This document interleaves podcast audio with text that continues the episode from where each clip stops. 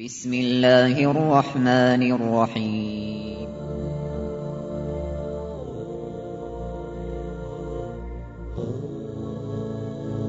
الرحمن العزيز الرحيم القوي السلام الكريم العظيم البصير العليم الحكيم الجبار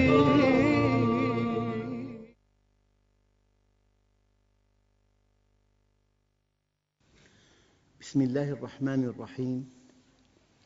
الحمد لله رب العالمين والصلاة والسلام على سيدنا محمد الصادق الوعد الأمين.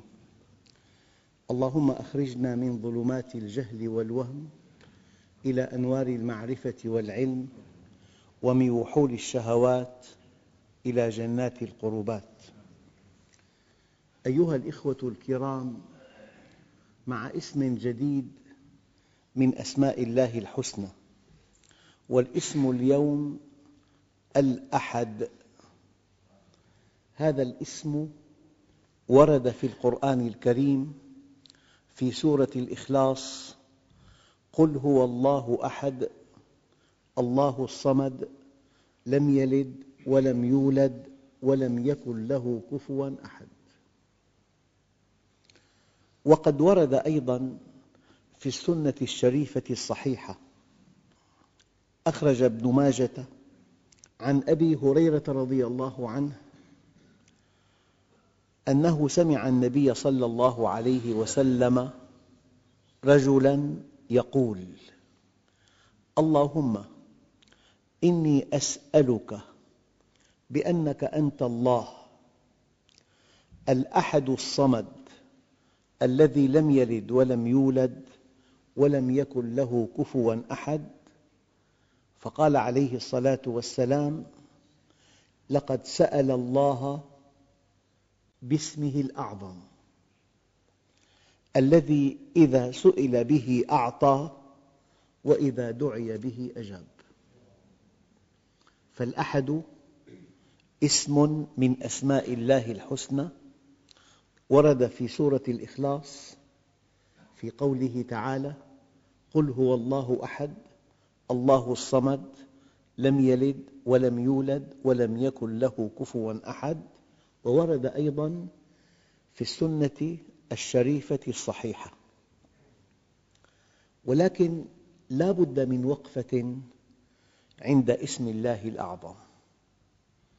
اختلف العلماء في اسم الله الأعظم. بعضهم قال الرحمن. بعضهم قال الله. هذا الاختلاف يحسم بحقيقة رائعة وهي أن اسم الله الأعظم الاسم الذي أنت بحاجة إليه في ظرف معين. فإذا كنت فقيراً فاسم الله الأعظم بالنسبة إليك الغني. وإذا كنت ضعيفاً فاسم الله الأعظم بالنسبة إليك القادر. وإذا كنت تائها فاسم الله الأعظم هو الهادي. وكل أسماء الله الحسنى. هذه الأسماء تدور مع الإنسان فتارة تواب تارة مغني تارة رحيم تارة قوي. تارة ناصر. فكل حالة أنت فيها هناك اسم من أسماء الله الحسنى. هو بالنسبة إليك اسم الله الأعظم. والذي يلفت النظر أنه ورد في القرآن الكريم في آية هي أصل في هذه الدروس. ولله الأسماء الحسنى. فادعوه بها. إذا كنت مظلوماً فادع الله باسمه الناصر. وإذا كنت مضطراً فادع الله باسمه المجيب. وفي كل حال أنت فيه هناك اسم من أسماء الله الحسنى شفاء لك وحصن لك وأساس في حل مشكلتك. أيها الأخوة المؤمن الصادق يتعامل مع الله تعامل يومي يتعامل مع الله تعامل ساعي. المؤمن الصادق يناجي ربه يستعين به يستغفره يتوب إليه يتوكل عليه يعبر لربه عن محبته. يا رب إني أحبك. وأحب من يحبك. فكيف أحببك إلى خلقك؟ ورد في بعض الآثار القدسية. ذكرهم بآلائي ونعمائي وبلائي. المؤمن الصادق له مناجاة مع الله. المؤمن الصادق يمرغ جبهته في أعتاب الله. المؤمن الصادق عزيز عزة لا توصف. لكنه أمام الله في منتهى الذل في منتهى الانكسار في منتهى الخضوع. وهناك حقيقة تلفت النظر. كلما مرغت وجهك في أعتاب الله عز وجل رفعك الله وزادك عزا وقوة وحكمة. بقدر ما تخضع له فيما بينك وبينه يرفع شأنك. أنا لا أتصور أن في الأرض من آدم إلى يوم القيامة. إنسان رفع الله ذكره كرسول الله. وأتصور أيضا أنه ما من إنسان خضع لله وكان عبدا له وكان في أعلى درجات القرب في سدرة المنتهى. قال تعالى فأوحى إلى عبده ما أوحى. الإنسان من شأنه العبودية. والله من شأنه الربوبية. الكبرياء ردائي والعظمة إزاري فمن نازعني منهما شيئا أذقته عذابي ولا أبالي. يعني الله عز وجل يغفر لك آلاف الذنوب. عبدي لو جئتني بملء السماوات والأرض خطايا غفرتها لك ولا أبالي. لكن ذرة واحدة من كبر تحجبك عن الله. يعني ذا التقريب. جاءك ضيوف كثر وما عندك شيء تقدمه لهم إلا كأس لبن. أضفت خمسة أضعافه ماء وجعلته شرابا سائغا. الكأس اللبن قبل خمس أضعاف ماء لكن لا يقبل قطرة نفط واحدة. هذه القطرة تفسده. لذلك رب معصية أورثت ذلا وانكسارا خير من طاعة أورثت عزا واستكبارا. لو لم تذنبوا لخفت عليكم ما هو أكبر. يا الله ما الذي هو أكبر من الذنب؟ قال العجب العجب. فشأن العبد أن يتذلل لمولاه. لكن المشكلة أن الذين شردوا عن الله يستكبرون على الله وهم يتذللون وينبطحون أمام عبد لئيم. فإن لم تكن عبدا لله فأنت عبد لعبد لئيم. والعبد اللئيم لا يرحم ولا يسترضى ولا يؤمن جانبه. إن لم تكن عبدا لله فأنت عبد لعبد لئيم. أيها الأخوة الأحد من مشتقات الواحد الواحد الأحد. فالواحد مفتتح العدد أول عدد واحد. أما الأحد قال هذه للنفي ما جاء من أحد. أما الواحد للإثبات جاء واحد من القوم. في الإثبات تستخدم واحد في النفي تستخدم أحد. ما أطل علي أحد من الخلق. دعوت قوما فجاءني منهم واحد في الإثبات واحد في النفي أحد. الواحد لا شريك له لكن الأحد لا مثل له في فرق. واحد من حيث الكم أما أحد من حيث النوع فالواحد لا شريك له أما الأحد لا مثل له. لذلك قال تعالى هل تعلم له سميا السمي المشابه هل تعلم مشابها لله عز وجل؟ كل ما خطر ببالك فالله بخلاف ذلك. أما الأحدية قالوا هي الانفراد ونفي المثلية. والانفراد بذاته وصفاته وأفعاله. الانفراد بذاته وبصفاته وبأفعاله. يعني من معاني الأحد يحتاجه كل شيء في كل شيء وليس محتاجا إلى شيء. يحتاجه كل شيء في الكون في كل شيء وليس محتاجا إلى شيء. أحد صمد. وجوده ذاتي. أما الإنسان عبد لله وجوده معتمد على إمداد الله له. لذلك ورد في القرآن عبيد وعباد والفرق بينهما كبير.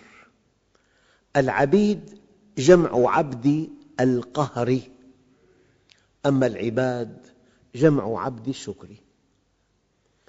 يعني أي إنسان ولو كان ملحداً ولو كان كافراً ولو كان فاجراً عبد لله بمعنى أن حياته متوقفة على إمداد الله له. لو توقف القلب أملاكه بالمليارات تنتقل إلى غيره. كان رجلاً فأصبح خبراً. قال فجعلناهم أحاديث.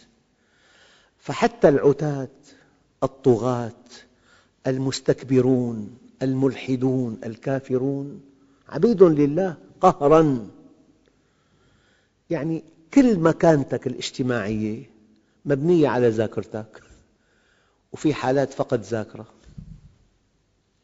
كل مكانتك الاجتماعية مبنية على حركتك وأقل خسرة من الدم في أحد شرايين الدماغ تنتهي الحركة.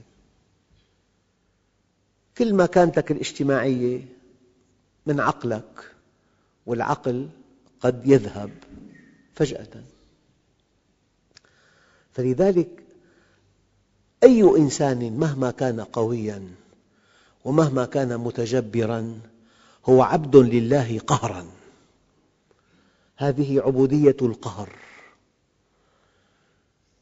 لكن المؤمن حينما عرف الله وأحبه وأقبل عليه وأطاعه وتقرب إليه هذا عبد لله أيضاً من نوع آخر. هذا عبد الشكر. لذلك عبد القهر تجمع على عبيد وما ربك بظلام للعبيد. بينما عبد الشكر تجمع على عباد. إن عبادي ليس لك عليهم سلطان. فرق كبير بين عبيد وبين عباد. أيها الأخوة الكرام الأحد الفرد الذي يحتاجه كل شيء في كل شيء وليس محتاجا إلى شيء ويستحيل أن تحيط به ولا يحيطون بشيء من علمه إلا بما شاء. علم ما كان وعلم ما يكون وعلم ما سيكون وعلم ما لم يكن لو كان كيف كان يكون. أيها الأخوة من خصائص أسماء الله الحسنى أن الصفات الفضلى لله عز وجل أثبتتها النصوص الصحيحة الكتاب والسنة. لكن هناك خصيصة دقيقة. النفي المجمل والإثبات المفصل. يعني أنت ممكن تمدح إنسان تقول هذا ليس لئيما ولا بخيلا ولا مجرما. أعوذ بالله. هذا ليس مدحا. من كمال الأدب مع الله عز وجل أن تنفي عنه النقص إجمالاً. ومن كمال الأدب مع الله عز وجل أن تثبت كمالاته تفصيلاً. هو رحيم ودود غني لطيف. من كمال الأدب مع الله أن تنفي عنه النقص إجمالاً. ومن كمال الأدب مع الله أن تثبت صفاته الفضلى تفصيلاً. بعضهم قال في قوله تعالى وتمت كلمة ربك صدقاً وعدلاً. وكلمة ربك القرآن الكريم. والقرآن الكريم بين دفتيه.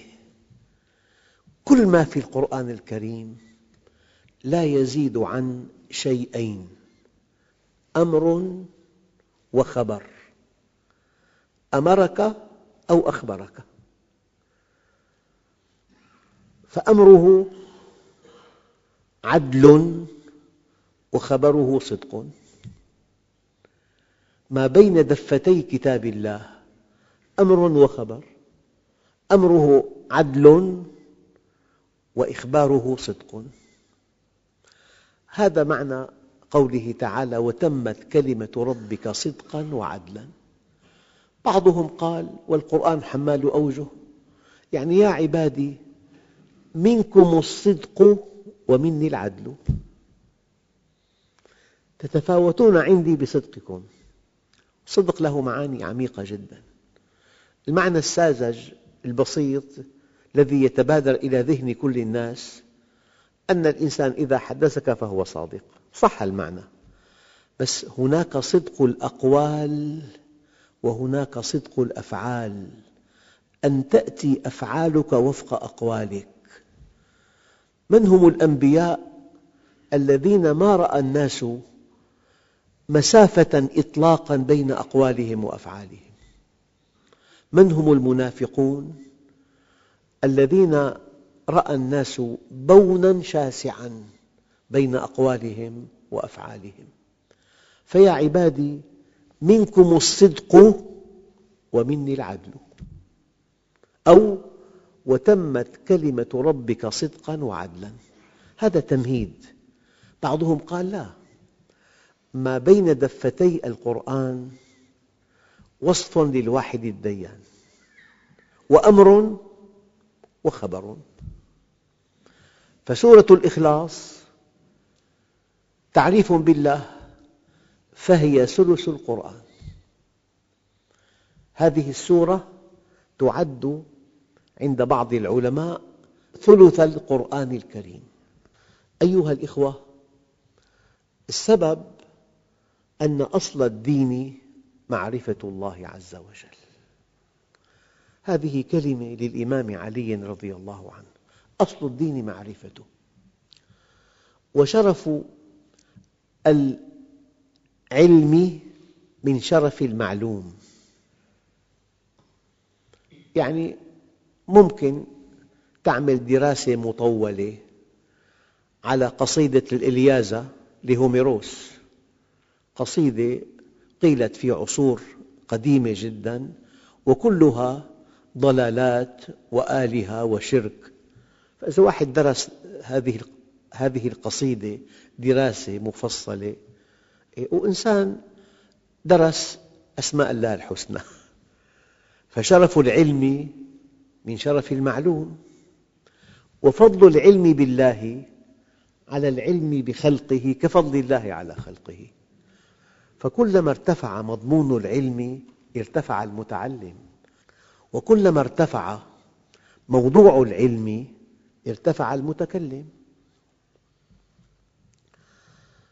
لكن أيها الأخوة طريق معرفة الله عز وجل طرق ثلاث. يمكن أن نعرفه من آياته الكونية من الكون خلقه. ويمكن أن نعرفه من آياته التكوينية أفعاله. ويمكن أن نعرفه من كلامه قرآنه. آياته الكونية عن طريق التفكر. وآياته التكوينية عن طريق النظر. وآياته القرآنية عن طريق التدبر والأدلة. آياته الكونية عن طريق التفكر إن في خلق السماوات والأرض واختلاف الليل والنهار لآيات لأولي الألباب الذين يذكرون الله قياماً وقعوداً وعلى جنوبهم ويتفكرون في خلق السماوات والأرض ربنا ما خلقت هذا باطلاً سبحانك فقنا عذاب النار. أما آياته التكوينية أفعاله قل سيروا في الأرض ثم انظروا كيف كان عاقبة المكذبين. يعني مستحيل وألف ألف مستحيل أن تطيعه وتخسر. مستحيل وألف ألف مستحيل أن تعصيه وتربح. مستحيل وألف ألف مستحيل أن تقبل عليه وتذل. ومستحيل وألف ألف مستحيل أن تعرض عنه وتعز. سبحانك إنه لا يذل من واليت ولا يعز من عاديت. أما آياته القرآنية أفلا يتدبرون القرآن أم على قلوب أقفالها؟ إذا في طرق ثلاثة لمعرفة الله. خلقه عن طريق التفكر وأفعاله عن طريق النظر وقرآنه عن طريق التدبر. أما العلوم فتقسم إلى أقسام ثلاث علم بخلقه. هذا اختصاص الجامعات في الأرض. علم الفلك الفيزياء الكيمياء الرياضيات علم الذرة علم النفس علم الاجتماع علم النفس التربوي آه، الجغرافيا التاريخ علم بخلقه. والعلم بخلقه أصل في صلاح الدنيا. والمسلمون إذا أهملوا اختصاصاً هم في أمس الحاجة إليه وتفوق بالاختصاص عدوهم أسموا جميعاً. وعلم بأمره هذا اختصاص كليات الشريعة في العالم الإسلامي. افعل ولا تفعل. الحلال والحرام والقرض والوكالة والحوالة والكفالة أحكام الزواج أحكام الطلاق هذا علم بأمره. النقطة الدقيقة أن العلم بخلقه وأن العلم بأمره يحتاجان إلى مدارسة. كلمة مدارسة تعني أستاذ طالب كتاب محاضرة مراجعة حفظ تلخيص امتحان شهادة. هي مدارسة. فالعلم بخلقه يحتاج إلى مدارسة والعلم بأمره يحتاج إلى مدارسة. لكن نتائج العلم بخلقه ونتائج العلم بأمره. هذه المعلومات تستقر في الدماغ. بس. قد يكون الإنسان أمهر طبيب في الأرض وهو لئيم لؤما لا يوصف. قد يكون بأعلى اختصاص ويسلك سلوكا لا يرضي فالعلم بأمره وبخلقه معلومات دقيقة جدا تحتاج إلى ذاكرة إلى متابعة إلى دراسة إلى انتباه إلى إلى إلى. بالنتيجة معلومات تستقر في الدماغ. ولا علاقة لها بالسلوك. إلا أن العلم به يحتاج إلى مجاهدة. قال بعض علماء القلوب جاهد تشاهد. العلم به يحتاج إلى ضبط الجوارح ضبط اللسان ضبط الدخل ضبط الإنفاق ضبط البيت. يحتاج إلى بذل إلى عطاء إلى خضوع لله عز وجل إلى عمل صالح إلى تضحية إلى آه، إنجاز للوعد تحقيق للعهد. يحتاج إلى أخلاق. نتائج المجاهدة ليست معلومات في الدماغ. سمو في النفس نور في القلب صبر حياء كرم حلم تواضع رحمة إنصاف. فرق كبير بين العلم بأمره وبخلقه وبين العلم به. لذلك جاهد تشاهد. في طريق آخر لمعرفة الله أن تستقيم على أمره أن تؤثر رضاه. أن تتوكل عليه أن تفتقر إليه أن تناجيه أن تحسن إلى خلقه أن تحب خلقه جميعاً أن تكون منصفاً أن تكون متواضعاً. هذه الأخلاق العالية تثمر اتصالاً بالله وحينما تتصل به تشتق منه الكمال. لذلك ولله الأسماء الحسنى